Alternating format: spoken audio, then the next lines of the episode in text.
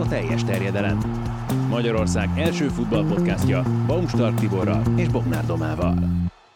És ezúttal a Network 4 csoport kommentátorát Szark Andrást köszöntjük ismét.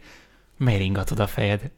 Semmi olyan szépen hivatalosan mondtad, hogy kell. Köszönöm. Hát most már annyi Network 4-es, Arena 4-es vendégünk Hát volt, igaz. hogy most már tudjuk, hogy mi a, mi a hivatalos megnevezés. Az elején bohóckodtunk ezzel, hogy akkor Arena 4, vagy Match 4, vagy hogy, és akkor tudtuk, hogy ez, ez a gyűjtőnév. Igen, igen, valóban így van. Sziasztok!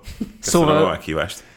Egy kommentátorral beszélgetünk, ami azért izgalmas, mert nem csak mondjuk a stúdióból látsz Premier League vagy Bundesliga meccset, hanem alkalomattán teszem, az Championship mérkőzést is tudsz közvetíteni, úgyhogy előre lelövöm a poént, a Burnley-ről is beszélgetni fogunk. De kezdjük akkor az élvonallal az első osztályjal, mert nyilván az téged is jobban izgat, minket is egy picivel jobban izgat, és az Arsenal sorozatban a második héten játszotta el azt, hogy két gólos előnyt adott le. Várjál, mielőtt az Arzenálra mennénk, van egy quiz kérdésem. Ami, az. ami még egyébként az élvonalnál is magasabbra mutat, ugye a futballnak a legmagasabb szintje, a legmagasabb porondja, a bajnokok ligája negyed döntőkről szólva, és az Arzenálra vonatkozóan is azért van ennek érdekessége, itt főleg a bajnoki hajrát nézve. Arra vagyok kíváncsi, itt megnéztem minden nyolc olyan csapatot, amelyek a bajnokok ligája negyed döntőkben szerepelt, hogy a hétvégi bajnoki, mert ugye a negyed döntők ilyen szempontból speciálisak, mert egy, het, egy hét a különbség, sőt ugye hat nap azoknál a csapatoknál, amelyek szerdán játszottak, hogy ki hogyan állt ehhez a feladathoz, és mennyit változtatott a hétvégi bajnokira a kezdő 11-én. Ugye itt most azért nem mentem abba bele, hogy a cserékkel és egyéb dolgokkal hogyan variált valamelyik edző, de azt meg tudjátok-e mondani, hogy melyik volt a legtöbbet és a legkevesebbet változtató csapat? Hát én tudok mondani egy ilyen viszonyítási számot. Ebből a nyolcból én csak egyet tudok, hogy mennyi volt, ez a Bayernnek kettő. Hát ez szerintem akkor valószínűleg lesz olyan csapat, amely talán nem is rotált egyáltalán. És hogyha már úgy vezetted fel, mert nagyon próbálok itt belekapaszkodni a szavaidba, hogy az Arzenál szempontjából érdekes, hát az Arzenál meg a BL ugye még, ez még azért nincsen ugyanott, szóval akkor lehet, hogy a Manchester City egyáltalán nem változtatott Pep Guardiola. De, de, de, de ott a Egyet. védelemben, ne, ott a védelemben voltak, Walker. voltak változtatások. A Real Madridnál ilyen kevésbé lényeges változtatások voltak. De ott is A Chelsea-nél voltak durvábbak. Ugye... Igen. Tehát Hát ott igen, elég durvák. Na tudjátok mit?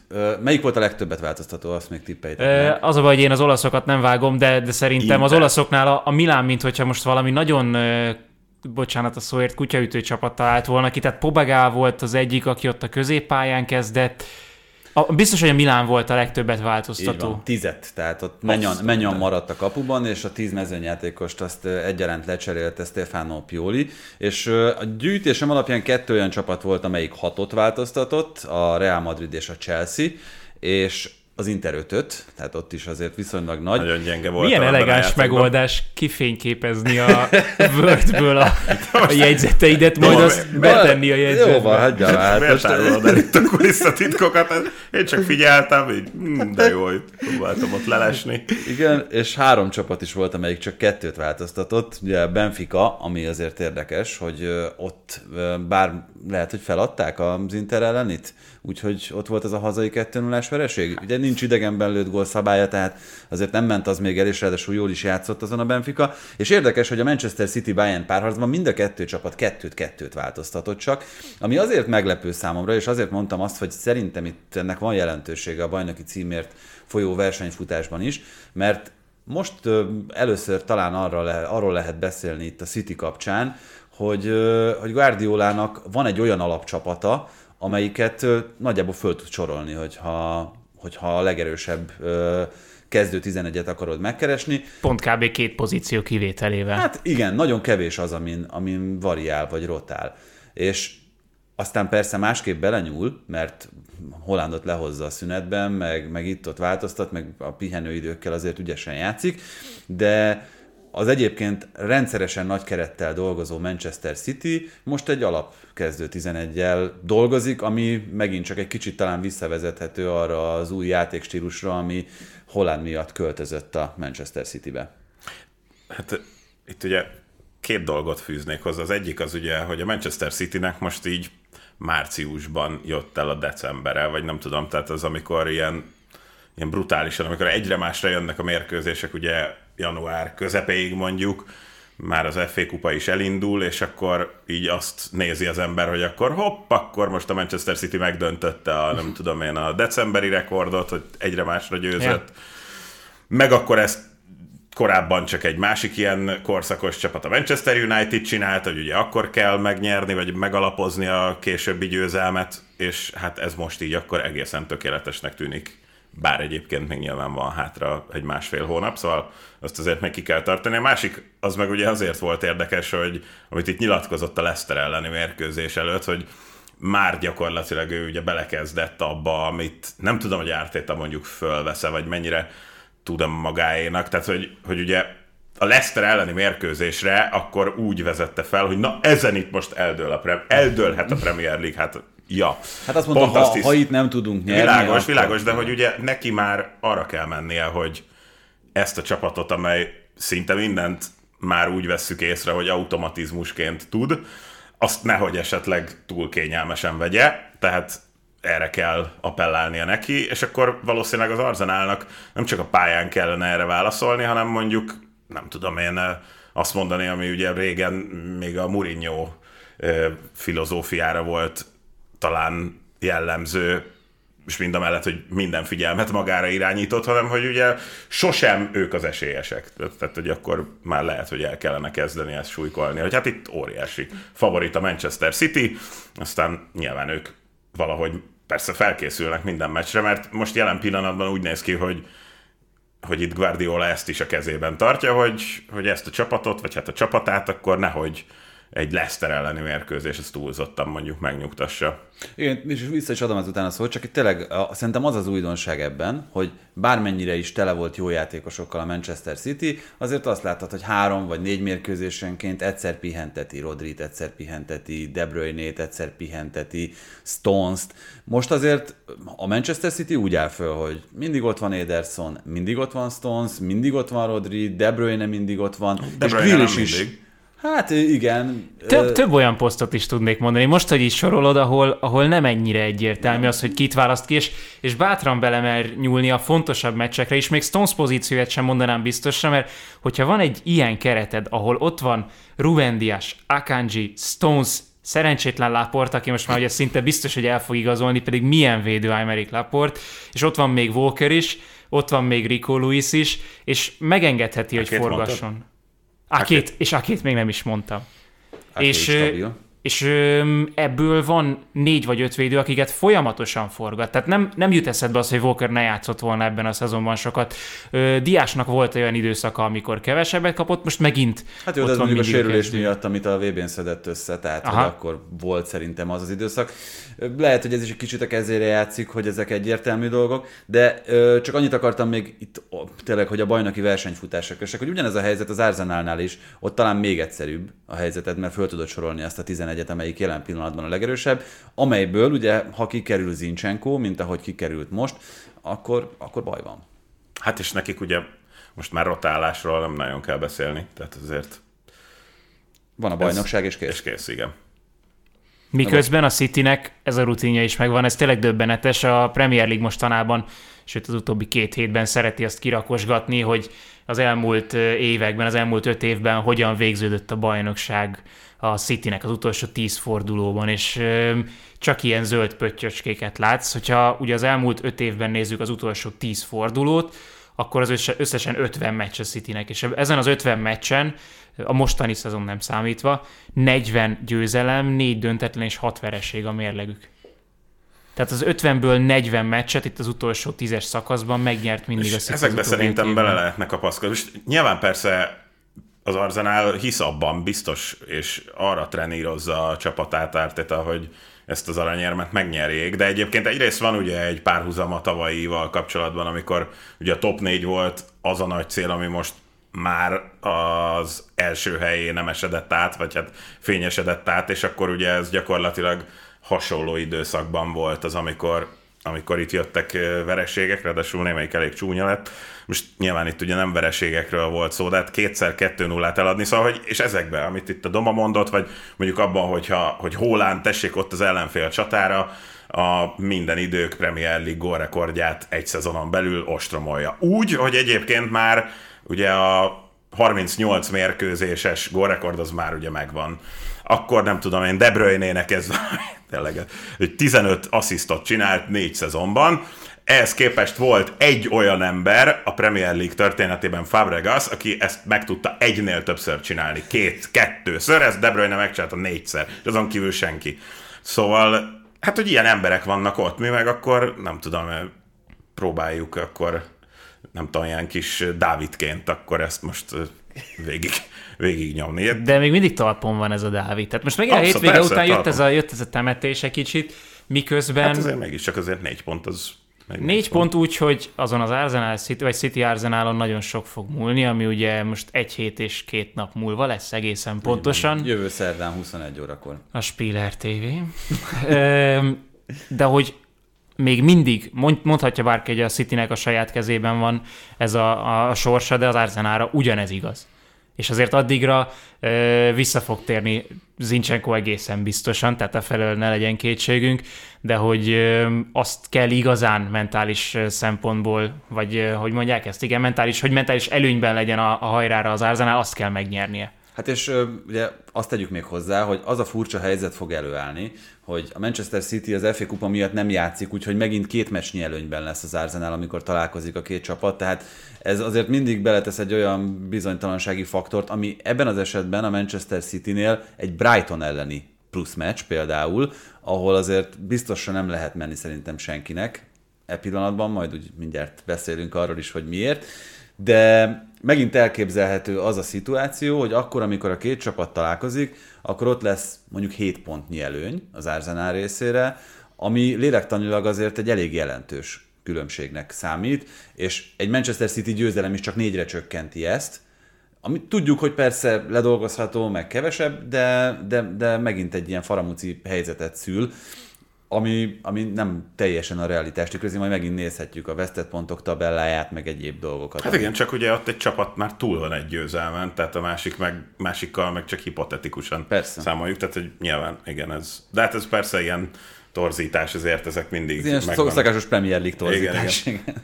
Az utóbbi években valahogy szokásossá vált, viszont ez nem elhanyagolható tényleg, hogy mind a két csapat, a City is, meg az Arsenal is még játszik egyet a Brightonnal, tehát gyakorlatilag mondhatjuk, hogy a Brightonon múlik, hogy ki lesz a bajnok, hm. mert ahogy játszanak, ez egészen döbbenetes, most a Chelsea-nek hirtelen így a kriptonitja lett a Brighton, pedig... De ki nem? Elég sokan, sok csapatnak. Igen. Tehát a, a Chelsea-t most képletesen szó, vagy a térdére fektetett és elfenekelte a Brighton a hétvégén. Beindította a sé hangzóját?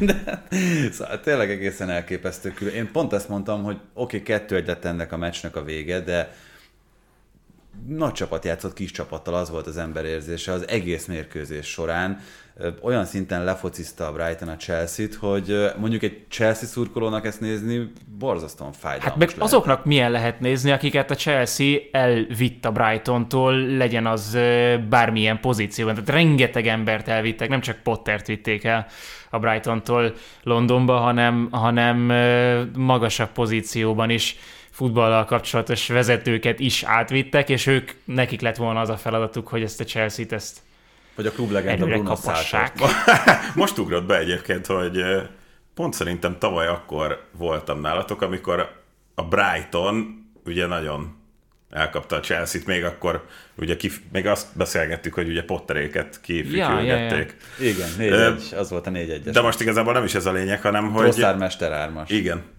Még. Ugye? Vagy uh, rosszul mondom? Szerintem az a pool ellen volt az a, a Trosszármester. hármas, igen, az volt de a 3-3, és ott is volt talán Trosszár gól. Igen, de, hogy de 4 egy lett a vége, igen, az biztos. Az... Volt ott, ott is valamilyen nagyon gigantikus teljesítmény, de mindegy, de szóval visszatérve, tehát hát azért itt ez a Chelsea, ez pár nap alatt csúszott le ebbe, tehát hogy azért itt kis csapat, nagy csapat felállás, egyébként tényleg egyetértek, ez volt a helyzet, nem lett volna Potterrel. Tehát itt a Lampard dicsőséges ténykedés azért úgy néz ki, hogy már, már mutatkozik, tehát hogy legalább abból az állapotból, amit mondjuk Potter itt hagyott, vagy hát itt hagyatták vele, hogy mondjuk nem mennek be a helyzetek, hát ott sikerült azért elérni azt, hogy ne is legyenek, az legyen a tuti, tehát akkor álljon földbe ez az egész. Ez borzasztó lehangoló lehet, szóval nem is tudom, hogy itt a Chelsea-sek ezt hogy élik meg, mert nem, nem tudom, szóval ez, ez, ez valami önmaga tragikomédiája, és most már nem is paródia, mert igazából most a jó ízűen nem tud nevetni rajta az ember, amikor ekkora vergődést lát, szerintem ez nem borzalom. Hát, de azért, azért tud nev- én azért tudok rajta nevetni, mert ugye nem lesz belőle akkora tragédia, tehát nem fog kiesni a Chelsea, vagy ilyesmi, még bőven így se, és pillanatok alatt talpra fog állni, ez, ez nem kétséges Gondolod? számomra. Illetve akkor tudok nevetni, amikor már Kukureya a Chelsea-ben szenved, miközben tudom, hogy például Dezerbinél is olyan játékosnak hinnénk őt, mint aki valójában valószínűleg sose lesz már. Igen, mint amilyennek hisztük jelen pillanatban. McAllistert, vagy Kajszédot, vagy... Vagy Dankot, vagy... vagy hát igen. Dankot az nehéz, még most is nagyon jó játékos. Ja, Ezért mondod, hogy McAllistert el fogja vinni, most a friss hírek szerint a Liverpool lehet. Manchester United. Uh, Kajszédó már ugye korábban is szeretett igen, volna őt, őt 65 nem tudta onnan. az Arsenal. Tehát, hogy egészen hihetetlen. És egyébként ezt nem tudom, néztétek-e, hogy amellett, hogy hozza a jó eredményeket a Brighton, amellett a játék minősége, és innen is érdemes közelíteni szerintem ezt a Chelsea elleni mérkőzést, mert a Brighton mindenkit maga alá nyom ebben a szezonban. Nem csak abban, hogy kontrollálja a meccset, hogy domináns teljesítményt nyújtanak minden mérkőzésen ezzel a játékos kerettel, hanem azzal, hogy 2023-ban a Brightonnak van a legtöbb kapura lövése, a legtöbb kaput lövése, és a legmagasabb XG-t, várható gólmutatót is a Brighton dolgozta ki, 31 fölöttit, és ez sikerült alulrúgni még több mint öttel, ami valószínűleg egyébként pont ebből fakad, amiről beszélünk, a keretminőségből valamelyest, de hogyha hát most én Dezerbinek egyébként is már csak a nemzetisége miatt viszonylag nagy rajongója vagyok, ha, ha ő még ennél jobb játékosokat kapna a kezei közé, hát hol van a plafonja ennek a, ennek a fiatal? Dani Welbecknél még jobb játékosokat? Mit, mit hát esetleg Dani Welbecknél, hát úgy lett, úgy lett kettő egy ez a meccs, hogy ugye kényszerű okokból le kellett cserélni. Az egyébként szerintem nagyon extra tehetségnek számító Evan ferguson -t. Tehát, hogy azért rajta látszik, hogy 18 évesen, hogy itt tart valaki, az egyrészt szerintem egy, egy szenzációs dolog, azon is lehet, hogy hosszabban el lehetne beszélgetni, hogy akkor, amikor valaki felugrik fejelni, és abból a leérkezésben megsérül a bokája ott, akkor elképzelhető, hogy valami fajta edzettségi problémák adódnak. Hát 18 éves ugye azért itt meg nem tudom, azt is meg lehetne nézni, hogy nőtte, esetleg, mert azért az sem Mert az, azért, azért az, az, az, nagyon atipikus, azt tegyük igen, hozzá, igen, hogy, igen. Hogy, hogy gyakorlatilag egy viszonylag tiszta helyzetben fölment fejelni, a leérkezés az rosszul sikerült, aláfordult a bokája, és hát ugye el is szakadt, mennyire lehet tudni, úgyhogy ami egyébként most egy Premier League klubnál négy hét pihenő, halkan teszem hozzá, de, de, de akkor is az ő helyére jött be Welbeck, aki megszerezte az első gólt, és ugye szintén egy cserejátékos, Enciso szerezte a győztes gólt ezen a mérkőzésen, aki meg Feltmánt váltotta. Tehát, igen, mert Pascal Gross vissza lehetett rendelni a középpályáról. Szóval, hogy, hogy ezekből a játékosokból rakott össze úgy egy csapatot Dezerbi, hogy mindegyik futbalista univerzális, mindenki tudja a dolgát, még akkor is, hogyha ugye akkor a, annál a váltásnál, amikor Enciso bejött, annál három játékosnak változott meg a pozíciója. De olyan magától értetődően.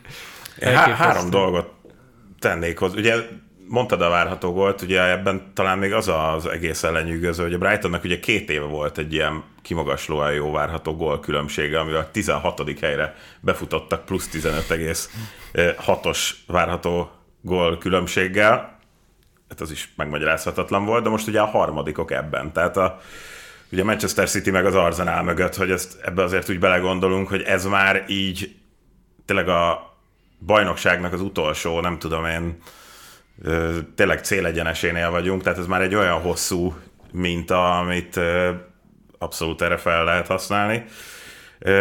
A második dolog a Kazinci esélyre tudnék egy kicsit rákötni, ugye McAllistert, hogyha már szóba hoztad, akkor, akkor ki kell találnotok valami olyat, hogy a futball Dave, vagy a középpálya Dave Grollja, és szerintem ez McAllister, aki ugye dobol, aki dobosból, dobol, dobosból frontember így, lett. Igen, dobol, így, így megadja az ütemet, de hogyha kell, akkor ugye előre megy, gitározik és énekel, tehát bármit el tud vinni, és hogy ennek a középpályás típusnak mi legyen a, majd a, azt hiszem, hogy De itt akkor a, a Nirvana és a Foo Fighters közötti különbséget is akkor valahogy, valahogy bele kell építenünk, nem? Feltétlen, hát az, az már csak egyéni szorgalmatokra bízom, hogy ez próbáljátok megugrani, de hogy ezt, tehát hogy mert azért szerintem vannak, vagy lesznek még ilyenek, csak McAllister, ez abszolút egy, egy ilyen érzésem van vele kapcsolatban. Jó, de neki azért, bocsánat, neki jót tett azért a világbajnoki győzelem. Hát az, az biztos, de, meg a magabiztosságának. De hozzáteszem egyébként, hogy azért azt, amit mondjuk Scaloni viszonylag hamar, nem egyből felismert, hogy a jó letessem a csúcsformában lévő Brightoni játékosomat, azt ugye nem sikerült Belgiumnál megcsinálni Trosszárral. Tehát alapvetően azért már a VB-re is McAllister úgy ment ki, hogy uh-huh. egészen prima volt, tehát hogy nem lehetett érteni, hogy miért nem kezdő. És aztán utána nyilván ez is kellett ahhoz, hogy ugye világbajnoki címünk meglegyen. Ez volt a második. A harmadik pedig, ugye nagyon nagy rajongója voltam Potternek, amikor feltűnt, mert hogy nagyon atipikus vezetőedző a hát, hogy tehát az ilyen társadalmi fogékonyságával, vagy a, a pályán kívüli uh-huh érzelmi és mindenféle intelligenciájával. A szociális képességei. Igen, igen. Hát ugye ez nyilván a tanulmányainak is köszönhető, meg ahogy az Östersunnnál dolgozott, szóval az lenyűgöző volt. De hogy tulajdonképpen lehet, hogy akkor is már ugye a Brightonnak a tulajdonásáért, vagy a vezetőségért kellett volna rajongani, mert hogy itt ez olyan, és majd már itt próbálom felvezetni a Ja, igen, az lesz, igen.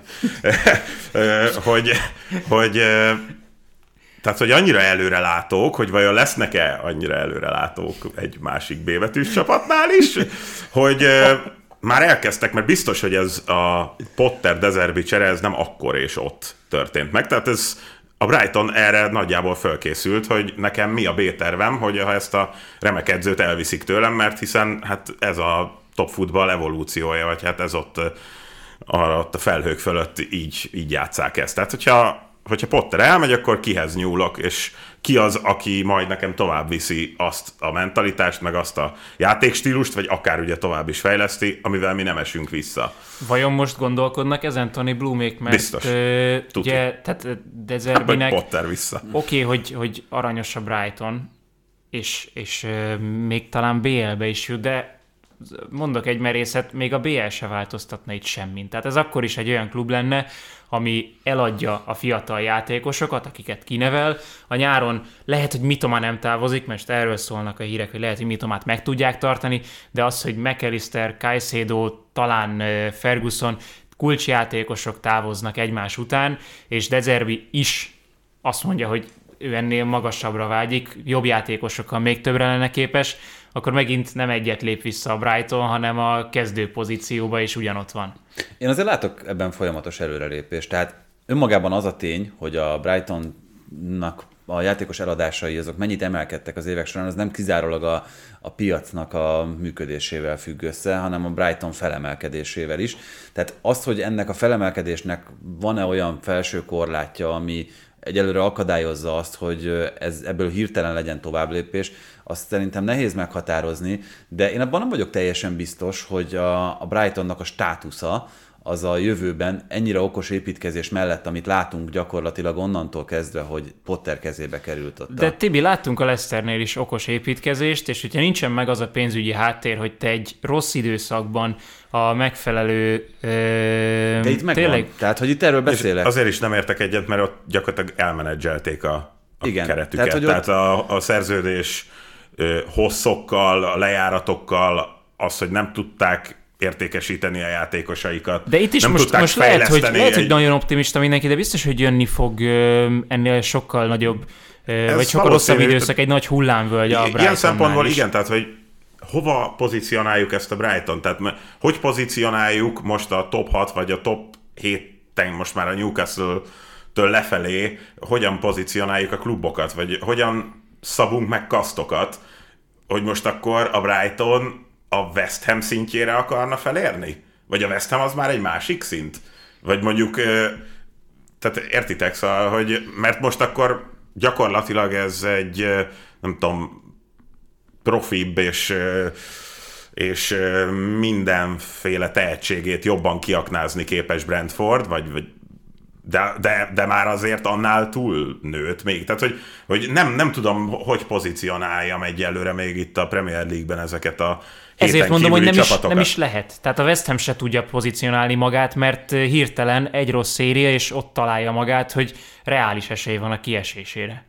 És a Brighton sem tudja megfelelő pénzügyi háttér, ami lehet, hogy Bloom gazdag, de nem elég gazdag ahhoz, hogy fent tudja tartani a, a top 8-as állapotot sem, még, még a Chelsea-nél sincsen garantálva mondok, mondok valamit, lehet, hogy nem olyan gazdag, de akárhányas. mondjuk azért valószínűleg a klub vezetők között, vagy hát a klubtulajok között a, az intelligenciájában adta, nem tudom én, a, az egész világon kb. a top 3-ban van. Tehát azért az elég sok mindent lehet ezzel egyen, vagy ellensúlyozni. Na mindegy, ez, ez sokkal hosszabb távú, mint amit mi most látunk, úgyhogy ez tényleg csak ilyen elméletben működik. A Burnley-nél is nagyjából elméletben működik az, hogyha, hogyha valamit elképzelünk nekik itt a közeli jövőre. Minden esetre ott is az a helyzet, hogy a vezetőség szeretett volna kijelölni egy utat, és ezt már akkor elkezdték, amikor a Burnley nagyjából egy éve, vagy kicsit kevesebb, mint egy éve kiesett a Premier League-ből. És akkor nagyon sok játékosnak vagy lejárt a szerződése, vagy elvágyódott nyilván a klubtól, vagy volt olyan kikötés a szerződésében, hogy elmehet.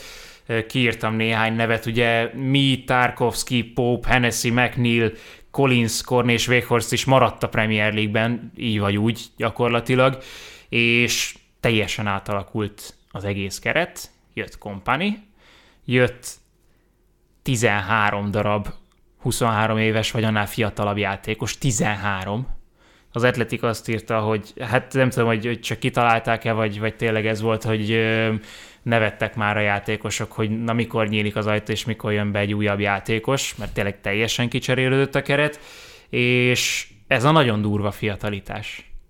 És uh, itt ugye még azt kell kihangsúlyozni kompani érkezése mellett, hogy hogyan használták fel nem csak kompani elképzelését a játékról, vagy azt, amit ő mondjuk Guardiolától eltanult, vagy ellesett, hanem hogy azt a közeget, azt a futballközeget, amit ő ismert, azt Hát kvázi, ugye itt a Manchester Unitednél is ezt láthatjuk Ten Hagnál, de szerintem ez azért egy kicsit még kompaninál kifinomultabb kell, hogy legyen, mert ő neki ugye azokat a tehetségeket kell meglátnia, és aztán utána a Burnley vezetőségének figyelmébe ajánlania, akiket meg tud szerezni ez a klub. Ugye a Manchester City-ből kölcsönjátékosok vannak ott, vagy, vagy tehát ugye az egykori csapatából, Harwood Bellis például ugye eleve egy olyan védő, akit már itt évek óta rebesgetnek, hogy na majd ott akkor egy angol, újabb angol, ugye a Manchester City védelmében majd feljöhet. Hát nem tudom, hogy egyébként, hogy ez meg lesz de azért addig, ameddig nem sérült meg, ő azért alapember volt, és a másik Ugye nyilván ez meg a belga futballnak az ismerete, és a belga bajnokságnak az ismerete, nyilván ugye az Anderlechtnél, mint akár riválisokat is látva, ott is pásztázott kompani, és hozott ugye olyan játékosokat Belgiumból, vagy belga kötődéssel, akik szintén ugye nagyon erősségei, vagy hát nagyon komoly erősségei a csapatnak. Ugye itt a problémájuk az az, hogy elég sok kölcsön játékosuk van, és jelen pillanatban ugye átigazolási embargóban vannak.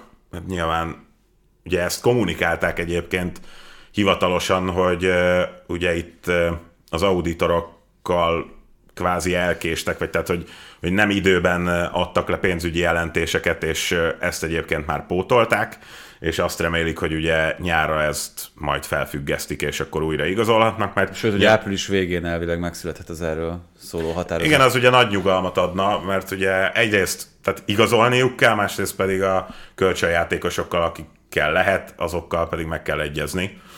Mm, valószínűleg ugye ez lenne a terv. Viszont itt arról van szó, és ez is atletikes info, hogy például Tela, aki a házi gól király, messze a házi gól király, és a Szotomban láthattuk már egyébként tavaly, ő például nem első választás volt, hanem a Rangers-től akarták elhozni Fashion Sakalát, aki sokkal inkább középcsatár, Tela sokkal inkább szélső, de hogy ő már túl drága lett volna. Nem ismertem amúgy Szakalát, úgyhogy megnéztem a Transfermarkton, és, és 5 millió Honnan? euró. A Skóda bajnokság közvetítése közben. Azt hittem, a tavalyi Európa Liga menetelés kapcsán. Na és hogyha elhozhatnád Szakalát végleg, vagy Tellát kölcsönbe, akkor mit választanál a klubodnál? Hát Szakala azért annyira nem győzött meg eddig, tehát, hogy, és egyébként hozzáteszem, hogy ő is azért jó párszor kiszorulgat, most már szélső támadó is mérkőzéseken. Hát, hogyha Tella ennyire bevált, akkor, akkor Tella. Ugye tartok tőle, hogy mondjuk most sikerült őt önbizalomban is annyira felhozni, hogy akkor a Premier League-ben is jobb lenne egyébként, mint a Southamptonnál. Hozzáteszem, hogy egyébként ugye házanőtől alatt azért őnek is sem volt rossz dolga, vagy hát hogy nem lehet azt feltételezni, hogy mondjuk ott őt annyira félre használták volna, de ezek szerint mégiscsak azért jócskán többet lehetett volna belőle kihozni. Ugye kettő dolog, az egyik, amit mondtál, hogy még a Brighton kapcsán, hogy mennyire ambiciózusak az új amerikai tulajdonosai a Burnleynek, azért azt hozzá kell tenni, hogy amennyire szintén az Atletiktől származó információ lehet tudni, azért egy nagyon komoly és jó infrastruktúra áll a klub mögött, egy remek edzőközponttal, nagyon jól felszerelt képzőrendszerrel, akadémiai szisztémával, és ez mind nagyon jó alapot szolgáltat arra, hogy hosszú távon gondolkodjanak a klubnál, miközben egyébként a másik oldal meg egy kicsit kétséges, hogy kompáni meddig tartható meg vajon, mert ugye az egymás elleni FA kupa mérkőzés előtt azt nyilatkozta Pep Guardiola, hogy a csillagokban megvan írva, hogy egy napon kompáni lesz a Manchester City edzője. A Guardiola egyre, az... egyre többet trollkodik ezeken a sajtótájékoztatókon. Szerintem nem, egyébként én is azt gondolom, hogy ez, ez egy csillagokban megírt dolog, már csak azért is, mert nagyon kevés, nagyobb klub legendája van a modernkori Manchester Citynek, mint amekkora Vincent Kompany, és ha ő valóban tudja ezeket az egyébként kiválónak tűnő edzői készségeit bizonyítani a legmagasabb szinten, akkor miért ne? Főleg úgy, hogy egyébként úgy néz ki a futballja alapján is, hogy természetes örököse Guardiolának. Itt a nagy kérdés az lehet, hogy olyan biztos, hogy nem történik meg szerintem a Manchester City-nél, és hát talán más klubnál sem, hogy nagyon komoly felső szintű tapasztalat nélkül egy topklubhoz valakit bedobnak. Márpedig ugye most azt halljuk, hogy Daniel Levy a leginkább kompánit szeretné a Tottenhamhez, ami egy nagyon érdekes vargabetű lehetne kompáni szempontjából is. Ugye itt a Big Bang Theory, bocs, mintájára azt írtam fel, hogy ez egy Potter dilemma, vagy Potter hipotézis, ez lenne a, a, annak az epizódnak a címe, hogy akkor company-ra értve, hogy most akkor átülsz-e másik padra akkor, amikor felvetik ezt neked, és ez előrelépés. Nagyon felgerjesztette kompani nevét nyilván a sajtó, azért ez egy egészen óriási sztori, hogy a Burnley is ekkorát változott játékstílusban, hát, keretben. Minden idők legkorábbi championship feljutása, két vereség igen, az egész. Ez igen. Nagyon sok minden áll tavasszal egyáltalán igen. nem kaptak ki, igen. És ugye Company kockáztathat a Burnley-vel, Burnley-vel a Premier League-ben, hogy ott ugye jönnek majd esetleg olyan csapások is, mint a Manchester City elleni 0-6, amit az FA kupában ugye már láttunk, és akár egymás után, hogy ugye Potternek is az volt, hogy volt a szezon elején egy óriási startjuk, nagyon-nagyon pörgött a neve, és nem vitte végig azt, ami gyakorlatilag az ő közege volt, és egy biztos szezon közbeni cserével ült át egy másik kispadra, hogy ugye kompani azt kockáztatja nyilván, hogy mondjuk nem tudom én, lesz három olyan fordulója a Burnleynek, amikor kikap, nem tudom, 0-12-es gól különbséggel, és ez még nem is egy irreális dolog. Ettől függetlenül persze aztán ott is bennmaradhat, és akkor lemegy az ázsiója, de ugyanakkor, hogyha meg maradna, és a Burnley-nél vinné végig ezt a projektet, legalábbis azt értve ez alatt, hogy feljutottak, és egy évet lehúzott. És bent tartja ezt a Burnley-t, és akkor tényleg már úgy nagyjából úgy, hogy mondjuk ragaszkodik ehhez a játékához, mert azért a Championship utóbbi éveiben láttuk azt, hogy azért a Norwich is meg tudott hasonulni, pedig hát el voltunk ájulva, hogy hú de jó, és hogy akkor azért milyen konkrét elképzelései vannak Fárkénak, tényleg teljesen máshogy játszott a Norwich, teljesen máshogy játszott a Brentford a Championshipben, hogy ezeket végig tudja vinni. És akkor itt van, amit ugye a Brightonnal kapcsolatban már felvetettem, hogy nagyon remélem, hogy a Burnley-nél ugye LMP elnökletével már azon dolgoznak, hogy B opciót találjanak. Viszont, Mert nekik ez, ez fog kelleni. Viszont Kompani 5 éves szerződést kapott. És azért is mondtam ezt, a, ezt az átigazolást, ezt a telafélét, hogy ugye ő kölcsönbe jött, tehát hogy itt nem, nem egy-két évre tervezgetnek. Hát igen, de ugye azért az utóbbi ilyen edzői igazolásokkal, vagy, vagy mondjuk amilyen hosszan lekötöd, abban szinte biztos, hogy azért meghagyja, ugye meghagyják a klubok azt az opciót, hogy mennyiért vihető el valaki. Igen, igen, Biztos, igen, hogy kompaniban nagyon megbíztak. Pont ezért, amit mondasz, hogy, hogy azért látszanak azok a jelek, amiért, tehát egyre felfeszítették a klubnak a közeli jövőjét, azt, hogy ugye itt egyből feljussanak, és a Premier League-ben legyenek kompanira és az ő elképzeléseire. Ez Tehát... tiszta, de ki kompani alternatívája? A Burnleyhez? Hát ezt én Igen. nem tudom, de ezt nekik kell tudniuk. Ez azért szerintem kompani sem mondtuk volna. Elvileg az Anderlechtnél nem volt azért igen. ennyire egyértelmű, hogy ő ilyen jó. Aha. Hát a Burnley-nél sem volt az, ismerve a klub múltját, meg a sondási focit, meg azt, amit Doma mondott, hogy gyakorlatilag a teljes keret a szétszélet, meg maradt a Premier League-ben a jó részük a kulcsjátékosoknak. Tehát valóban nulláról kellett építkezni, úgyhogy ez egy nagyon sok helyen megbukható projekt volt, hogyha létezik egyetlen ilyen szó, tehát hogy... Hát, hogy ne, megalkottad. Köszönöm szépen. Szóval sok, sok olyan pontja volt, ahol el lehetett volna hasalni, és nem, hogy ez nem történt meg, hanem abszolút várakozáson felül. És még annyit, aztán utána könnyen lehet, hogy ez igazából ennyi is volt. Még annyi egyébként, hogy azért a Burnleynek azokat a számait megnézve, amik itt alakultak a szezon során, azért a támadójátékuknak a sikeressége azért nem volt ennyire egyértelmű, mint amit ez a gigantikus különbség, amit kiépítettek, elővetít. Tehát azért, tehát azt nyilván tudjuk, hogy a kontrollt akarták, a labdát akarták, azért volt a legjobb védelmük, kapták a legkevesebb volt, a legkevesebb uh-huh. engedett xg mert nem volt az ellenfélnél a labda, de azért támadójátékban nem, tehát nagyon-nagyon messze magasan fölül voltak a várható góljaikon. Tényleg itt, hát most nem akarok tehát, tehát valahol 15 körül minimum, vagy talán 15 és 20 között is volt Ez ilyen. is City-s teljesítés. Igen, igen, igen, Megint csak. Hát jó, csak ott ugye tudod azzal magyarázni, hogy nyilván hát ezek az minőség, irgalmatlan zsenik eltorzítják, igen. hiszen mindent be fognak lőni. Hát most egy, nem tudom én, Benson Manuelről nem tudtuk, hogy majd mindent be fog lőni. Jó, viszont azt, tehát azt nem tudod elvenni, hogy most az hétvégén lejátszott Reading elleni meccsig a Redding, pont a Reddingnek a 106 pontos rekordját, azt megdönthették volna, a championship rekordját. Tehát az eddig élt, azért az nagyon-nagyon durva. Egy 106 pontos rekordot, hogyha pont egy ilyen fiatal kompániféle Burnley dönt meg. Szerintem pont, és az, una, az unalom helyett egy kicsit bunyózzunk inkább.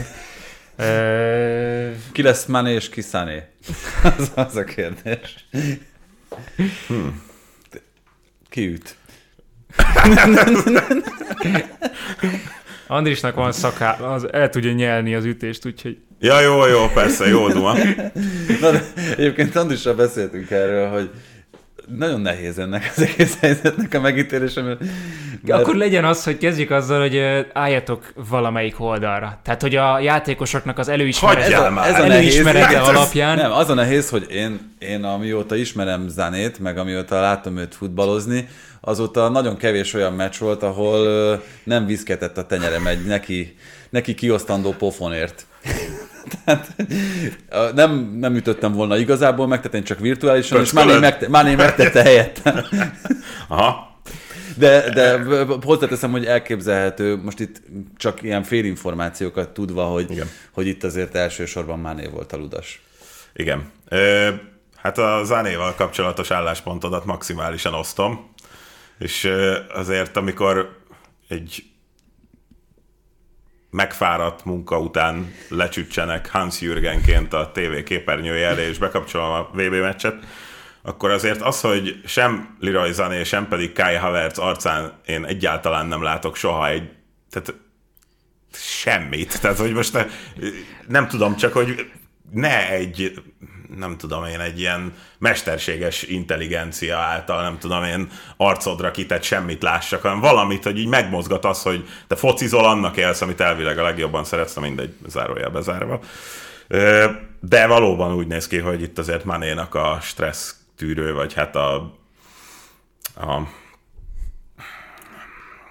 hogy is, hogy is szokták mondani ezt a ideg, idegességet megfékező ö, hát, hát tulajdonságát. Indulatkezelési. Indulat, igen, ez, ez az indulatkezelési problémákkal azért Ind, azt Indulatmenedzsmentje, nem az igaz. Igen, igen, igen. Mondom azt, ami igazán furcsa ebben a sztoriban. Tehát, hogy egy Volt szenegáli újságíró szerint Sané elővette a... Mit látsz, Tibi? Semmi autó hogyan próbál parkolni, de beszéljünk. Szóval... szóval, hogy feketézett egyet Sané, aki szintén fekete. Tehát hogy ezt, ezt, nem, ezt nem egészen értem. Igen, hát erről mindig az a klasszikus sztori jut eszembe, amikor Torgále Sándor és Lipcsei Péter összeveszett a pályán, és különböző sértéseket vágott Lipcsei Péter fejéhez Torgále Sándor, és a következő meccsen pont a Ferencváros és az MTK találkozott a kupában, és a Fradi tábor az egész meccsen azt énekelte Torgelle Sándornak, hogy nézzél tükörbe. Torgelle nézzél tükörbe. Hát, ugyane, ugyanezt a tanácsot adnám, mint most Leroy Zánénak is ebben a helyzetben. Tehát, hogy nem tudom, és nem nagyon tudom egyébként elképzelni. Ezt azt hiszem egyébként kizárhatjuk, én, mert én is, Honigstein egyrészt nincsen mondta, ugye bizonyíték rá, másrészt pedig az, hogy Zané ott volt a Hoffenheim ellen a kezdőben. Szerintem, hogyha egy ekkora baromságot sikerült volna a száján kiejteni, amit mondjuk tehát pont, hát nem tudom, tehát el tudnék róla képzelni pont a már felvázolt hát biztos, tök felületes dolog, tehát nyilván ez most csak olyan, hogy ez, ez csak egy érzet vele kapcsolatban, ami neked is, meg nekem is van, szerintem másnak is, ezért ettől függetlenül, és ezt most ugye nem azt vitatjuk, hogy micsoda remek képességei vannak a focihoz, de azért arról nem győzött meg, hogy ő egy egészen kiváló ember lenne, Míg hát azért Mané... egyébként hozzáteszem. Tényleg, igen. Míg azért Manénak azért voltak külső szemlélők által kifejezetten szerintem szimpatikusnak tartott vonásai. Csak közben meg már azt is tudjuk, hogy ő neki azért a Liverpoolban sem sikerült mindig mindenkivel igen, a legjobban igen, megtalálni igen, igen, a közös igen. hangot. Szóval itt akkor innentől kezdve, hogy azt mondod, hogy kinek az oldalára álljunk, hát ha már, békén. ha már érzelmeket Senki. mondasz valakinek az arcán a pályán, akkor már Néra, amikor elégedetlen volt a Liverpoolban, egy, egy csapattárs megoldásával, egy állással, egy bármivel úgy kiült az arcára, hogy én el tudom képzelni, hogy ő beguruljon, és, és ö, valakinek bemosson egyet, már pedig itt a Hoffenheim ellen Szálinak jól láthatóan föl volt dakadva a szája, ami igen, egészen mókás. Hát de egyébként még csak visszatérve tényleg erre a szenegáli sajtóinformációra, szerintem ezek azok a helyzetek, amikben nagyon-nagyon könnyű belemagyarázni egy egyszerű megszólítás, vagy egy, egy indulat szó miatt ezt a, ezt a rasszista szállat, én sokkal könnyebben elhiszem azt, amit tényleg uh, Honigstein mondott, hogy elkezdődött a pályán egy lényegében szakmai vita kettejük között, itt különböző passzok meg távolságok kapcsán, hogy akkor kinek hova kéne helyezkedni, kinek mikor kell visszajönni, ami elfajult egyszerűen, és, és hát valóban indul Azért, mert mind a ketten forró fejűek, és ugye Bané kapcsán Igen. ezt lehet tudni, Sané is már Nagelsmann alatt is volt, hogy ilyen ö, fegyelmezetlenségei voltak, és kijutottak ilyen infók az öltözőből, és azért két ilyen az... tudás ugye egy csárdában nem biztos, hogy a jövőben jó, hogyha meg lesz egymás mellett, mert hogy gondolom Mánénak vissza kell térnie ebbe az öltözőbe. Itt az érdekes vissza, az, és vissza is fog. igen, de itt az a, az a nagyon, nagyon nagy kérdés ezzel kapcsolatban, hogy valóban, és ez kicsit talán egy ilyen filozófiai felvetés is, hogy el kell utasítani természetesen a, a tetlegességet is, meg azt, hogy nem ütjük meg a másikat, főleg csapattársat nem, de az ellenfelet sem természetesen. De mondjuk a verbális abúzus ebben az esetben, az milyen fokú volt, mert az egy, egyébként szerintem szám, vagy legalábbis számomra egy, egy érdekes dolog, hogy megszólalt az ügyben ugye Thomas Tuchel gyakorlatilag elsőként, elég jól kommunikálta szerintem az esetet, de ugyanígy megszólalt a Bayern vezérkara is, ott is többen véleményt nyilvánítottak, és mindenki Mané tettét ítélte el, Zané, vagy Zané felelőssége kevésbé merült föl, és megint csak ugye itt a félinformációkból táplálkozva, ebben szerintem ez az érdekes, hogy ha az ő részéről történt olyan verbális hergelés, ami, ami kiváltotta ezt az egészet, akkor ha nem is ugyanolyan mértékben, de szerintem azt is ugyanúgy el kellene ítélni. Furcsa, nem? mert nekem erről most természetesen a Baena Valverde eset jut eszembe, ami Spanyolországban nem csapattársak között történt, hanem ellenfelek között, de hogy ott is a hírek szerint egy olyan verbális ö, bántalmazás hangzott el, amit én se hagynék szó nélkül. Igen, tehát és egyrészt, másrészt meg ugye most a leg, legismertebb ilyen esetet felhozva Zidane Materazzi, azért a világ nagyobb része szerintem Materazzit ítélt el abban a pillanatban akkor, hogy hát igen, ő az, aki, aki folyamatosan egész meccsen provokálta, ő az, aki a Hugának ígért ezt, azt ott, mert Zidane Hugának egy egyébként nehéz családi helyzetben. Tehát, hogy ezt, ezt szerintem nem lehet kivenni a képletből, ha volt ilyen. És akkor itt, itt jön az a kérdés, hogy vajon tudnak-e a, ezek a vezetők annál biztosabb információkat, hogy egyáltalán mi volt a párbeszéd a két játékos között, mert ez nem feltétlenül kell, hogy egy bármilyen harmadik fél számára tiszta legyen, hogy mi húzta fel ennyire. Na már. itt szerintem elmondtad a Bayernnek a legnagyobb problémáját a vezetők, tehát ahogy így a kis dominóikat föltették, és aztán véletlenül a remegő kezű, nem tudom én, Brad Zolt az elsőt ellökte, mert hogy neki jobban szimpatikus valaki valakinél, és ez azóta csak megy, megy, megy, és gyakorlatilag így dőlnek egymás után. Na most az biztos, hogy ez a két játékos az nem volt jóban. Tehát ez azért ilyen jó kapcsolatban nem fordul elő.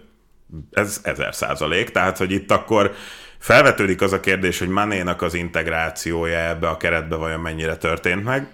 Mm, nem tudjuk, hogy tehát továbbra is az, hogy, hogy ki mennyire összeférhetetlen, tehát csak érzéseink vannak ugye ilyen formában. Másrészt pedig ez, egészen biztos, hogy nem fordult volna elő, ha nincs edzőváltás.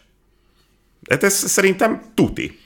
Tehát ez, ez itt most... megváltozása vezetett oda? Abszolút, hát itt ugye gyakorlatilag az van, hogy, hogy lehetett hallani, hogy most valaki üdvözölte azt, hogy Nagelsmann elmegy, de például a csapatkapitány Kimich kifejezetten jó kapcsolatban volt Nagelsmannnal. Most ha már ugye itt arról beszélünk, hogy tehát akkor itt ne csak nem tudom én szarfejezzük a játékosokat, például akkor azt kimondom, hogy Kimich nekem az egyik legszimpatikusabb játékosabb most a nemzetközi futballnak.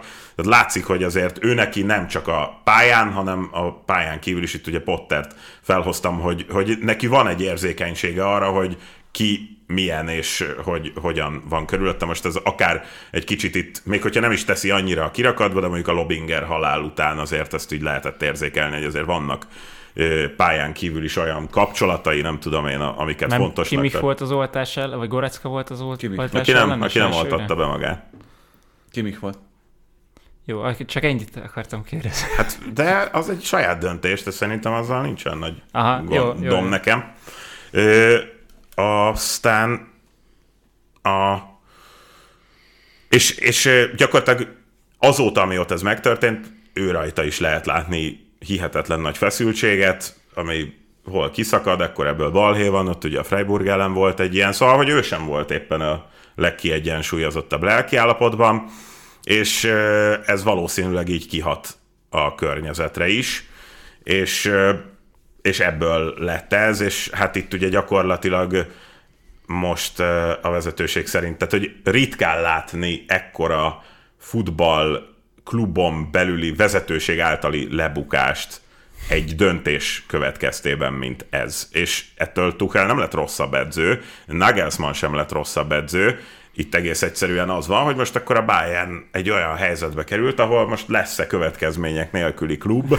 Vagy azt mondom inkább nem került, hanem hozta magát. Hozta magát, de hogy lesz-e következmények nélküli klub, mert ez itt most a minimum, hogy felvetődik az, hogy ez a két ember, Kán és Salihamidzic felajánlja a távozását. Nem kell most, tehát most már teljesen mindegy, majd június 1-én. Hát szinte biztosan kiesnek ugye a BL-ből a City ellen, viszont még a bajnokságban is ott lett volna egy írtózatos hétvége lehetősége, hogyha a Hoffenheim elleni döntetlen után, ott a következő néhány percben a Dortmund képes megverni a Stuttgartot, amely emberhátrányban lőtt végül három gólt, úgyhogy a 97. percben egyenlített végül. Úgyhogy maradt a Bayernnél az előny, de kicsit sem tűnik így ebben a formában megnyugtatónak az a bizonyos előny. Egyébként szintén Bundesliga hír, hogy a Schalke 5-2-re legyalulta a Hertát, így írta Bence, és hát ezt nehéz máshogy látni. És éppen ezért a Hertha az utolsó helyre került, ugye helyet cseréltek a Sákéval, és hogy talán még egyet előre is lépett a Sáke, és kirúgták Szándoró Schwarzot, és jött Dárdai Pál. Harmadszor. Dárdai Pál harmadik eljövetele. Igen. Hát mit lehet erre igazából mondani? Tehát Akkor mondom én, tehát a Hamburggal fognak osztályozót játszani, és a Hamburg lent fog maradni, és a Dárdai féle Hertha benn marad. Igen? Ez a... Hát Te, te igazából, prognózisod? igazából azért ez a Hertha keretre, tehát nem a, az alsó kettes vagy hármas tagja, tehát azért van, vannak rosszabb csapatok. Tehát például Hány Luke, éve mondjuk? Igen, igen. Luke Bakiohoz hasonló tehetsége azért egy, sem egy Bohumnak, sem egy Sákénak, nem tudom, sem egy Augsburgnak, vagy nem tudom, azért Főleg az nincsen. Augsburgnak. Augsburg, amely nem tud kiesni. Egyszerűen nem lehet tőle megszabadulni. Na mindegy, tehát igazából valószínűleg annyi van, hogy, hogy hát itt a Hertánál megváltozott nyilván ugye szintén a vezetőség, Bovics Hát, már elment, új tulaj említetted, a belga válogatottból Tedescona jelen pillanatban kiszorítja Trosszárt. Hogy más nem mondja, Ja, Luke nagyon jó. Bacchio, Egyébként Luke Bacchio óriási formában van tényleg. csak, Jó, csak hát, hogy azért, hogy úgy kontextusba helyezzük. De ez ezt. egyébként valószínűleg ezen fog múlni. Tehát Dárdai Pál megcsinálja a védekezését a Hertának, most amennyire lehet szerintem ezt most optimalizálni fogja. Ezzel a Hertával már ugye egyebet nem nagyon lehet csinálni. Hozzáteszem, hogy azóta, amióta ugye legutoljára menesztették, senki nem jutott túl azon, hogy legalább azt megtartsa a Hertánál, hogy legyen egy volt Domát, gyakorlatilag lekapcsolta a villanyt. legyen, legyen egy jó védekezése a Hertának, mert az ugye senkinél nem sikerült, de legalább azért támadásban sem nagyon jutottak előrébb, és most szerintem valószínűleg annyi lesz, hogy akkor védekezzenek, majd jól védekezzenek, és akkor majd Luke Bacchio jó formája esetleg azt el tudja dönteni, hogy ott azért a környéken nincsen ilyen klasszis ott a többi csapatban. Figyeljük Nagyjából én ennyit tudok erre elképzelni. Figyeljük majd őket közelről. Ahogyan figyeljük azt is, hogy mikor lesz új tulajdonosa a Unitednak. Minden héten gyakorlatilag egy rövid hírben beszámolnak arról, hogy, hogy mik az újdonságok ezzel kapcsolatban. És úgy tűnik, hogy nem lesz külföldi tulajdonosa jelenállás szerint a Manchester Unitednek, mert hogy inkább afelé hajlanak, hogy, hogy brit, brit tulaja legyen. Akár a Unitednek, akár a Liverpoolnak, ott viszont az, hogy amerikai a tulajdonos, azt még elfogadják, a szurkolók is, inkább, mint hogy közel-keleti legyen, vagy, vagy bárhonnan máshonnan. De ez az állami szerepvállalás az, amit témaként hoztunk még ma, hogy hogy vajon meddig fogja engedni akár a brit kormány, akár a Premier League, engedni kell-e, és hogy igen, tehát hogy a brit kormány úgy tűnik, hogy nagyon nem szeretné ezt. Szerintem ez, ez tévedés, tehát hogy ö, itt sokkal inkább, vagy, tehát más helyen vannak a hangsúlyok, mint, ö, mint ahogy itt ezt az egészet fölvetettük, vagy fölvezettük. A, ugye arról van szó, hogy itt ami a Chelsea kapcsán megtörtént, hogy volt egy kis ö, állami befolyás és ö, szerepvállalás annak kapcsán, hogy ki lehet a klub tulajdonosa. Ugye azt már többször mondtuk, hogy ott az a speciális helyzet okozta ezt, hogy Roman Abramovics ugye a szankciós listára felkerülve Igen, igen, igen. gyakorlatilag állami asszisztenciával kellett, hogy el, tulajdonost váltson a Chelsea. És hát ugye amikor Zsibarás Gergő itt volt nálunk, ő mondta azt, hogy hát ez nagyon megtetszett ez a szerep a brit államnak, hogy milyen jó, hogy ők beleszólhatnak akár tulajdonosi struktúrákba a Premier League-nél, és egy ilyen szabályozó testületet akarnának létrehozni, amennyire én értem, itt a brit kormány részéről, amelyik ebbe bele tud szólni. A brit kormány ezt úgy kommunikálja, hogy azért szeretnék ezt létrehozni, hogy a folyamatosan fenntartható gazdálkodást azt segítsék, és ezzel a keretrendszerrel meghatározzák azokat az irányokat, amerre egy klub mehet, tehát hogy ne menjenek csődbe klubok a rossz gazdálkodás miatt, és hogy egyébként, tehát hogy ez egy kicsit persze szólhat annak is, amit mondasz, hogy ne akarjanak szerencselovagok ö, szerepet vállalni, hanem csak bizonyíthatóan olyanok, akiknek mondjuk hosszú, akár több tíz éves víziójuk van arról, hogy hogyan kell menedzselni egy Premier League klubot. A pénzügyi, nem a, nem a hogy mondják ezt, a társadalmi múltjuk, szerepvállalásuk itt a lényeg. Tehát, is, hogy ne tehát- legyenek olyan tulajdonosok, akik itt a akik újságírókat mártanak igen, igen, igen, igen, igen. Hát jó, tehát igen, ez is, de hogyha nagyon le akarjuk butítani a, a, azt a politika nyelvére azt, amit, amit mondanak azért, hogy miért van szükség ennek a felügyelő testületnek egyébként a Premier League azt mondja, hogy ennek függetlennek kell lennie a brit kormánytól, meg, meg egyáltalán a politikától, és azzal ők egyetértenek, hogy legyen egy ilyen szabályozó, meg, meg egy ilyen kontrolláló testület, de hogy ezt ne a brit politika határozza meg. Azt mondták, hogy azért, hogy még véletlenül se a szuperliga irányába menjen a, az egész fejlődés, miközben tudjuk, hogy abba az irányba megy egyrészt, másrészt pedig a, és akkor itt befejezem, bocsánat, ezt a hosszú monológot, meg ezt a gondolatot. A másik pedig az, hogy szerintem a brit gazdaságnak, a brit vezetésnek az az érdeke kizárólag, hogy ebbe minél több pénz folyjon be ebbe a rendszerbe, hogy fenntarthatóan minél több pénz folyjon be ebbe a rendszerbe. Tehát, hogyha ö, ez csak egy papírral van igazolva, hogy ez nem a, igazából ugyan, ugyan a szaudi koronaherceg fia az, aki a tulajdonos, de neki semmi köze nincs az államhoz, akkor ők azt el fogják fogadni a továbbiakban is, mert ez annyi befolyó milliót, milliárdot jelent a Premier League-nek azon keresztül az állami büdzsének, vagy a, ugye itt az országnak, hogy, meg a GDP-nek, hogy innentől kezdve szerintem ez kevésbé fog problémát okozni. Hát ez többszörösen meghasonlást hoz nyilván ugye itt a, az angol foci. Van, van egy, a The Crown-ban van egy olyan rész, vagy jelenet, amikor ugye Mohamed Al Fayed, aki ugye volt a Fulemnek a tulajdonosa, próbál ugye Erzsébet királynőhöz közel kerülni, és hát mindenféle helyeken ugye feltűnik, ugye irgalmatlan vagyona volt már neki is, pedig azért itt nagyon komoly minőségbeli lemaradásban volt ugye a mostaniakhoz képest, és gyakorlatilag ugye a királynő meg ugye kitéreget ezen ö, találkozások elől, és valahogy a, a briteknél megvan ez az ilyen ö, tényleg nem nagyon tudják hova tenni ezt a helyzetet, hogy, hogy ugye itt a közel-keletről tűnnek fel a befektetőjelöltek, de alapvetően azt hiszem, hogy itt már ugye elkéstek. Tehát, hogy itt, és tényleg, amit ugye Doma, te is felhoztál, vagy Tibi, ugye, tehát, hogy ezt én is annól még így fogalmaztam meg, hogy ugye, tehát, hogy egy, egy olyan befektetőkör, tehát, hogy itt azért minimum, tehát a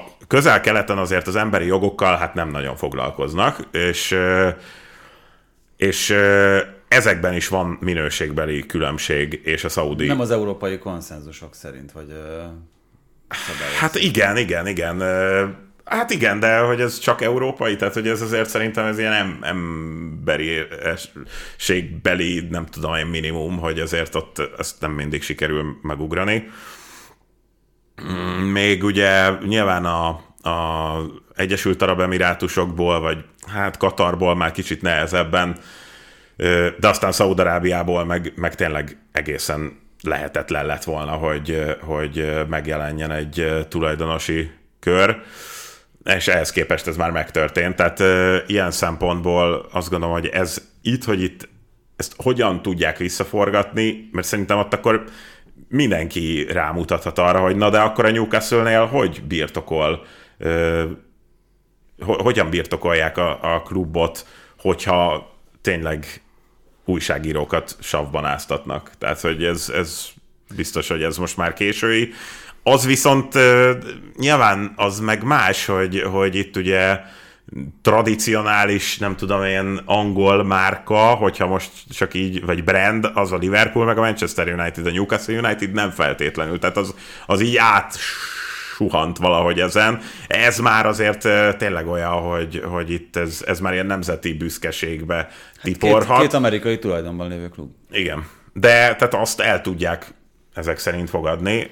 Annyira nemzeti büszkeség, Igen. csak úgy mondom. Igen. Hát, hogy persze, Hát ez most ez a casting, ez most gyakorlatilag erről szól, tehát akkor a, ugye a Redcliffe meg az Aliakusnak a felbukkanása, ez a, hogy akkor nagyon különböző típusú tulajdonos legyen, mint ami ennek a rémképe fel, nem tudom én, sejlik. Igen, és itt is ugyanaz egyébként, mint ami a newcastle kapcsolatban, hogy egyébként persze ugye állami szereplők hozzátartozóiról beszélünk, de papíron nincsen semmi köze az államnak ehhez. Tehát, hogy ez, ez tényleg Nem, jó, innentől kezdve igen. csak játék a papírokkal, meg a számokkal, mert, mert nagyon sok minden más olyan szegmense van szerintem a világnak, ahol ez ugyanígy elmondható, és ez nem csak a futballra vonatkozik. Ez az egyik. A másik pedig az, hogy azért vannak még viszonylag gazdag országok ott a zöböl mentén, tehát mi van, hogyha Oman, vagy mi van, hogyha Bahrein azt mondja, hogy ő is változtat mondjuk ezen a politikáján, és szeretne ebbe beszállni, akkor azt mondjuk, hogy oké, okay, Katarnak, meg Szaudarábiának, meg az Egyesült Arab Emirátusoknak még engedtük, nektek nem. Tehát, hogy itt, igen, hol húzod meg a... a Hát a- úgy, hogy, hogy azért nyilván lehetne vizsgálódni, de azért ennyire drasztikus, így szembeötlő ö, gazemberséget azért ezek az államok úgy tűnik innen Hát tudod, hogy működik ez nem úgy, hogy, úgy, hogy akkor, akkor lesz tényleg egy valóban, egy valóban működő bizottság, amelyik megszavazza, hogy lehet-e ilyen tulajdonos, vagy nem lehet. Vagy mint ezekkel a szerencsejáték szponzorokkal, hogy azt mondják, hogy az eddigiek azok oké, okay, maradjanak, kifuttatjuk őket, és akkor majd ettől és ettől 2050-től nem lehet már olyan tulajdonos, akit egy bizottság nem szavaz meg. Itt, vagy... itt csak röviden hadd had mondjam el a tételmondatot, vagy csak a- kérdésemet, nem? Lehet, hogy aztán én, én gondolkodom. Ne is rosszul. válaszoljunk? De, de csak, hogy, hogy tényleg erre kíváncsi vagyok. A, én ugye ezt ahhoz hasonlítottam, amikor a Forma 1-es autókról eltűntek a dohányipari reklámozók, ami ugye nagyon-nagyon meghatározó volt még a 90-es években, hogy a Ferrari az Marlboro, Marlboro, felirattal ment, meg volt Camel, meg, meg egy csomó ö, ilyen dohánymárka, West. ami, amit, amit igen, amit megért az ember, mert ö, logikus az, hogy nem biztatjuk az embereket arra, hogy, hogy dohányozzanak, hogy valami káros szenvedély. Itt is ugyanez a logika mögött, amennyire tudom, hogy nem reklámozzuk azt, ami egyébként addikciót okoz, ami egyébként népbetegség, csak míg a dohányzásnál azt mondom, hogy ez számomra egy, egy magyarázható logika volt. Én azt gondolom, hogy itt arról beszélünk, hogy a különböző fogadóirodák közötti versenyt fűti ez a dolog. Én nem tudom elképzelni azt. Tehát azt el tudom képzelni, hogy valaki a jól kinéző márka miatt azt mondta, meg a filmsztár miatt, aki szintén ott volt a szájában egy cigivel, azt mondta kamaszként, hogy ezt kipróbálom ezt a dolgot. De el tudjátok azt képzelni, és mondom, tehát lehet, hogy én gondolkodom rossz irányba, hogy valaki azért fogad, mert a kedvenc csapatának a mezén, mondjuk a Wolverhampton mezén lát egy fogadóiroda reklámot, és emiatt dönt úgy, hogy ő a pénzét erre fordítja. Én ezt nem, tehát én ezt nem látom. Én azt látom, hogy mindenképpen erre fordítaná a pénzét, csak nem annál a fogadóirodánál, hanem egy másiknál. Na most itt el- elsorolom azokat a Premier League csapatokat, amelyek ennek hát áldozatául esett neked. Mi a közös? Bournemouth, Brentford, Everton, Fulham, Leeds, Newcastle, Southampton, West Ham. Egyik sem top 6. Igen, én is Ugye- erre gondoltam. Tehát Ugye a azért- Brentfordot, valamint a Brighton-t azt fogadóirodának a fejese irányítja. Igen. Na most, jó. Nyomasszuk-e még a, az embereket azzal, hogy itt gyakorlatilag egyéni felelősséget próbálunk mind... Tehát mindjárt levezetem, hogy érthető legyen. Elég távolról indulok. Szóval nyomasz, nyomasszuk-e azzal, hogy, hogy egyéni felelőssége van mondjuk a bolygó elpusztulásában? Nem mondjuk esetleg az Emirates-t vagy az Etihadot is érdemes lenne szankcionálni, akik szará pusztítják a bolygónkat? Mondjuk éppen nem csak ők, de azért hát kiveszik a részüket, inkább, mint mondjuk egy-egy ember, aki fogad. E- Ez mondjuk szintén egy ilyen De nagyon ez táv- más, ez más, ez más. Ja, értem. Jó, hát akkor... Nem, mármint úgy értem, É- hogy Értem, ez, nagyon fontos az, tehát a, a mentális egészség, és tényleg foglalkozzunk. És én ezzel tulajdonképpen még el tudom fogadni azt naívan, hogy ez egy jó, jó döntés, és szerintem üdvözölni kéne. Most akár egyébként meg lehet azt nyitni, hogy könnyen lehet, hogy esetleg már a Tony féle büntetésnek is egy kicsit megágyaznak ezzel, hogy az legyen egy olyan elrettentő erejű szintén, ami akár ugye a játékosokat is távol tartja attól, hogy mondjuk ilyen fogadásokba ö, belefoljanak. Én ezek, ezeket tudom támogatni, csak, csak ez alapvetően itt az arányokban úgy látom, hogy, hogy sokkal nagyobb problémák vannak mással. Akkor, amikor ugye időről időre kapnak föl egy ilyen akár társadalmi, akár ö, gazdasági, környezetvédelmi problémát, akkor ugye elkezdünk sejteni valamit, hogy a háttérben történik valami, és most megint ez volt a helyzet, hogy elvileg a brit kormányjal szemben, mint hogy a kötelezettségnek érezték volna, hogy, hogy ezzel kezdjenek valamit, mert hogy ez most egy égető probléma. De hogy, tehát, hogy miért, miért ez van most az első helyen, ebben érzem itt az összefüggést, hogy miért pont a szerencsejáték függőség van az első helyen, és ugye mostanában megemlítik egyre többször azt, hogy mennyit utaznak repülővel a csapatok, azt, hogy, azt, hogy mit én, kinek ugye ki a tulajdonosa, és ők mennyit tesznek akár a környezetvédelmért, akár az emberi jogoknak a, a megtartásáért, vagy annak a látszatáért, és hogy, és hogy a szerencsejáték, hogy a, a mezen levő szerencsejáték szponzorok mennyit befolyásolnak, pillanatok alatt el tudja hitetni egy, egy Premier League-es vezető, hogy ez most egy sürgető és fontos mm. ügy, és, és hogy emellett teljes messzélességgel kiállnak. Én nem vagyok fogadó, és nem, nem voltam soha életemben azt. Tehát azért mondom, nem tudom, nem láthatjuk a Fulham mezén a Tibibet feliratot. Biztos, hogy nem, de lehet, hogy majd egyszer egy fogadóirodám lesz, de én akkor sem fogok fogadni. De ezért nem tudom átérezni ezt a helyzetet, de hogy azt el tudjátok képzelni, csak hogy az előző kérdésre egy konkrét választ is adjatok, hogy, hogy meglátod a W77 nevű fogadóirodát, és de kéne most fogadni egyet. Tehát, hogy ez van ilyen? Létezik ilyen?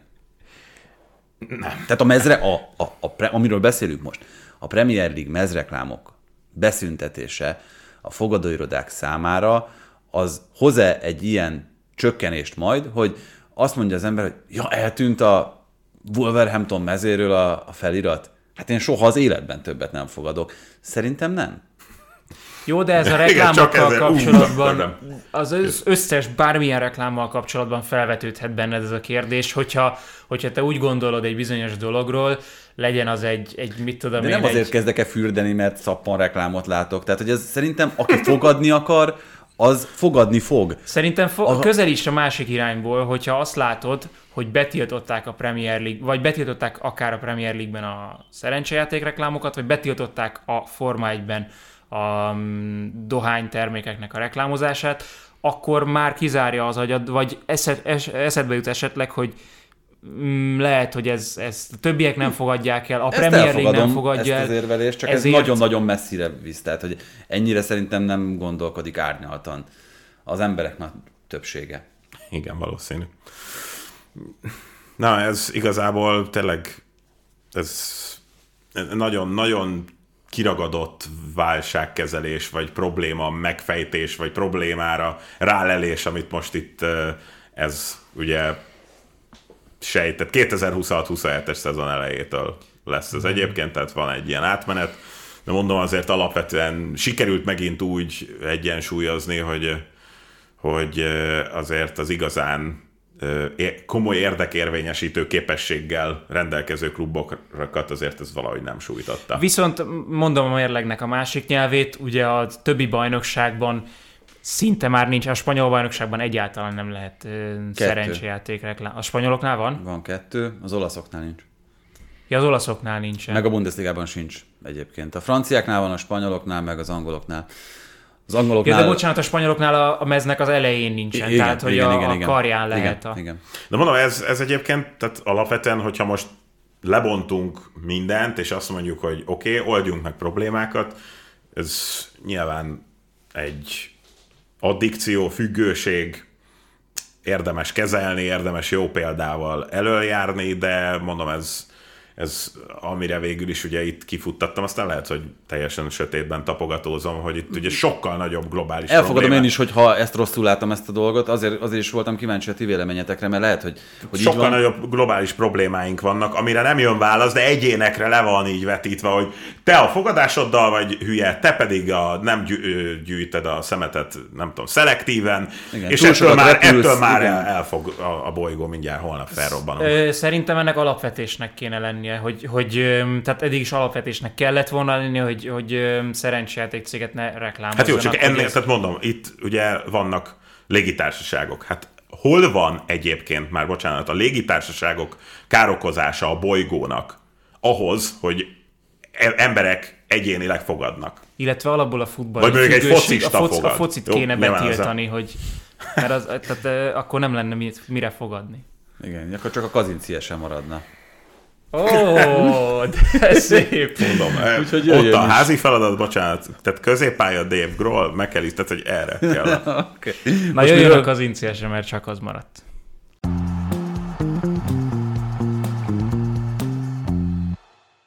Újra pályán a kazinciese. A kezdő csapatban ezúttal Somos Ákossal és Szabó Krisztoffal, az ellenfél pedig a Cerberus, nem kisebb, mint a Cerberus, illetve mondhatnánk azt is, hogy a portás az ellenfél, de akkor könnyebb lenne győznünk. Elméletben, mert hogy itt az a kérdés, és volt már ilyen szó, sőt van is további sok ilyen szó, hogy a kapusposztra kell-e megfelelő alternatívát találnunk, akár a közvetítésbe, akár írott, akár beszélt formában, mert hogy a kapus szót sokszor kell kimondani. A kapus nevét nyilván sokszor használhatjuk egy mérkőzésen, de használhatjuk-e annyiszor, amennyiszer nem szégyeljük. Egy kicsit sajnálom azért, hogy most a Tibi nincsen itt most így kivételesen, mert hogy amikor egyeztettünk arról, hogy beszéljünk erről a Cerberusról, ezt ugye főleg ő hozta be, és aztán ahogyan ment a beszélgetés, akkor megállapítottuk, hogy valójában nem itt a nyelvi fondorlatokról kell beszélgetni, hanem hogy Tibi akar gyűjteni tippeket magának, hogy miket a közvetítésben.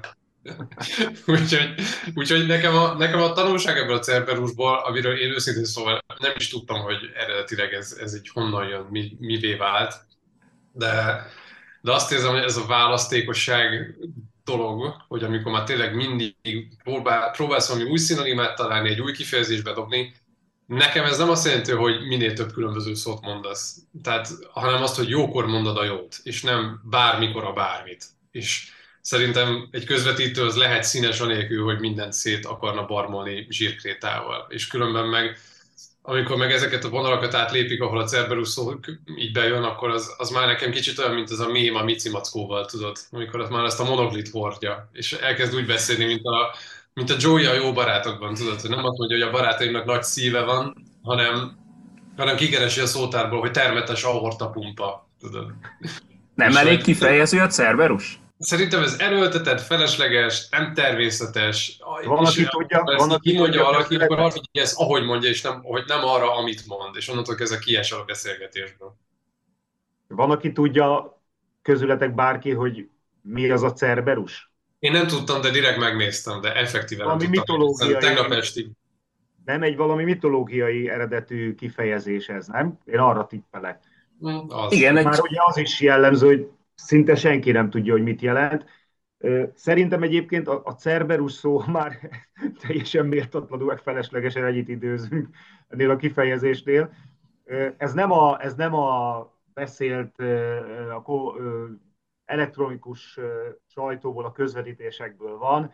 Ezt a szót valamikor régebben, talán amikor én gyerek voltam, még így láttam használni a leírt tudósításokban. Tehát a, hát akkor ugye most nevezzük nevén a népsport, ami a, a mi fiatalságunknak az egyetlen, hát meg ma is az egyetlen sport, nyomtatott sport napilap, annak a tudósításai, én már nagyon régen nem olvastam egyébként mestudósítást nyomtatott formában, de hogy ugye azok olyanok voltak, mint egy fogalmazás. Tehát nem, nem ilyen jegyzőkönyvszerűen írták a régi újságírók, a ugye 15. perc megszerezte a vezetést a Ferencváros, hanem fogalmazásba, egy ilyen gördülékeny fogalmazásba kellett beleírni a meccs történéseit. És ott, igen, ott megtörtént, hogy amikor leírták, hogy a zsiborás szenzációsan védett az egész meccsen, és a negyedik olyan védésnél, amikor meg kellett írni, hogy ezt a fejest is hárított, akkor ugye már kerestek valami szinonimát rá, hogy Ferencváros portása, hálóőre, Cerberusa,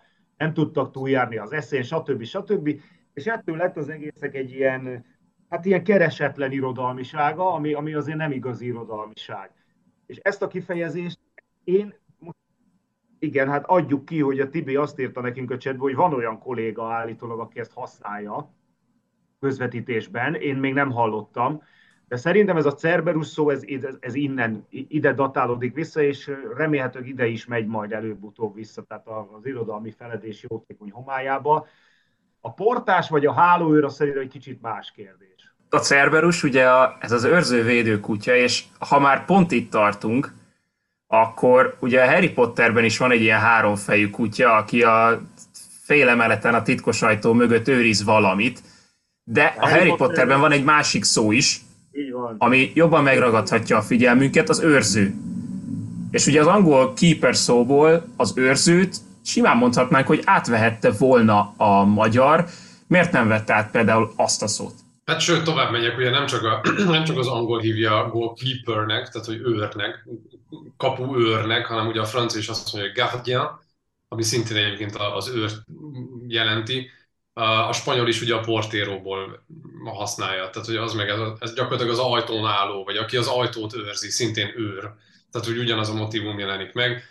Hát nézd, szép, de egyébként meg senki nem hívja edzés közben hálóőrnek a kapust. Tehát, hogy bármennyire is egyébként szerintem egy kimondottan szép irodalmi kifejezés, de egy céges focin sem feltétlenül szaladsz bele, hogy tehát Tibi, gyere, legyél te a hálóőr, kérünk egy szerverust, tehát hogy ez nem, nem feltétlenül a valóságot Ez, ez, azért, ez azért van így, ez azért van így, Krisz, mert nekünk van egy szintén ehhezekhez a német, francia, olasz, nem tudom milyen uh-huh. nyelvekhez hasonlóan saját megalkotott szavunk, ami tökéletesen kifejezi, mivel a kaput kapunak hívjuk magyarul, tehát a, amiben a gólt lövik, az ugye magyarul kapu lett, ezért az a poszt, aki ott áll, az a kapus. És az a szép ebben, hogy ez egy gyönyörű kifejezés, hiszen más értelemben is használhatjuk.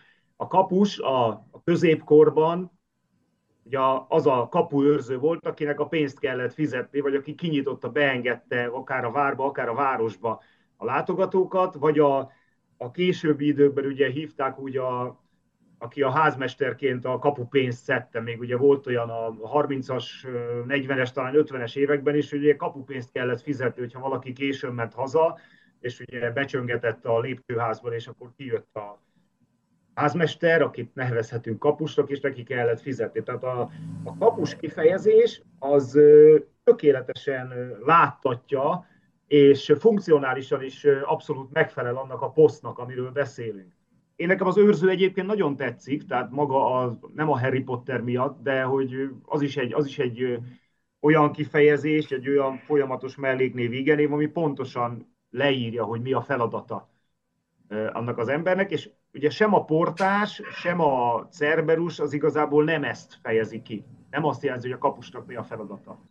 Szerintem az érdekes, amit Ágos ugye már pedzegetett az elején, hogy, hogy tulajdonképpen ez a fogalmazásbeli dolog, hogy ugye mi, miből, miből fakad az, hogy egyáltalán kényszeresen keresünk ezeket a Cerberus, meg hálóőr, meg és a többi, és a többi, tehát ezeket a többszörös szinonimákat, amikor már van egy szóra körülbelül három szinonimánk, nem biztos, hogy kell rá egy negyedik, egy ötödik, meg egy hatodik. És hogy ezen gondolkodtam, hogy szerintem ebben van egyrészt egy ilyen vetítési hajlam, ergo mackó, okosanak akarsz tűnni, mint amilyen valójában vagy.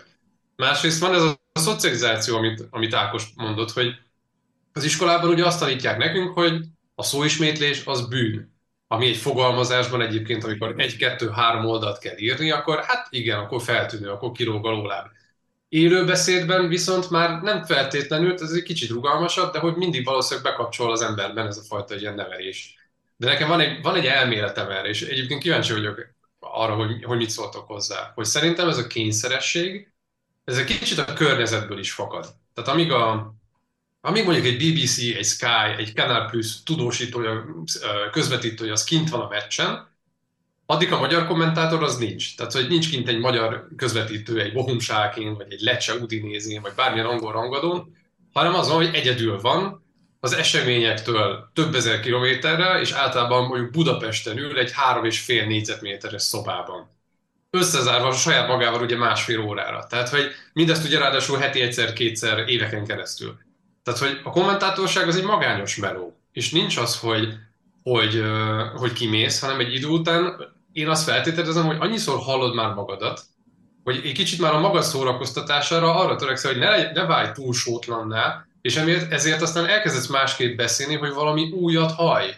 Hát olyan értelemben igen, hogy azt észre szoktam venni magamon, hogy néha valóban magam elé támasztott kihívásként én is megpróbálok valahogy kicsit máshogy fogalmazni, vagy kacifántosabban, de azért ennek ugye van egy olyan határ, amit az ember legbelül azért érez. Tehát ugye mi nem főszereplői vagyunk a mérkőzésnek, hanem a kommentátorai, a mi, a mi munkánk az egy ilyen pótcselekvés, hogy már nem lehettünk focisták, meg ne, minket már nem közvetíthetnek, úgyhogy az világ összes országa nézi, akkor, akkor mi ezt ugye ebbe éljük ki, de, de az, az, az kétségtelenül igaz, hogy, hogy az ember egy idő után már csak a maga szórakoztatására is valóban próbál kicsit színesebbé válni. Még annyi, hogy ha, ha új szót akarsz kitalálni, ez egy kicsit egy metodikai dolog, az igéknél a könnyebb keresgélni. Tehát ott valahogy úgy, úgy jobban elereszti magát az ember. Tehát az egy nagy lövésnél, hogy hogy, hogy elsütötte, eldurrantotta, akármit, tehát hogy egy cselnél, hogy hogyan, hogyan megfirkálta, befűzte,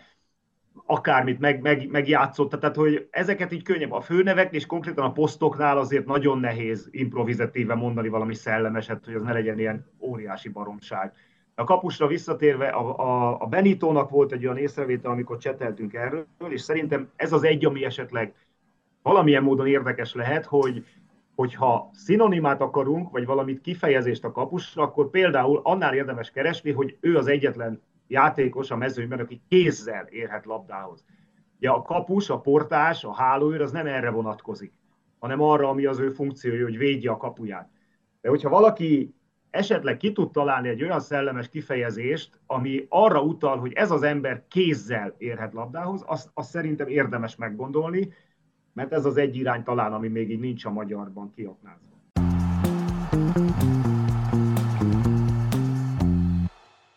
Ez volt tehát a Kazinciese és a 412. adás. Jövünk a jövő héten is. Andris, köszi szépen, hogy itt voltál. Köszönöm a meghívást. Sziasztok! Ha más podcastekre is kíváncsi vagy, hallgassd meg a Béton műsor ajánlóját.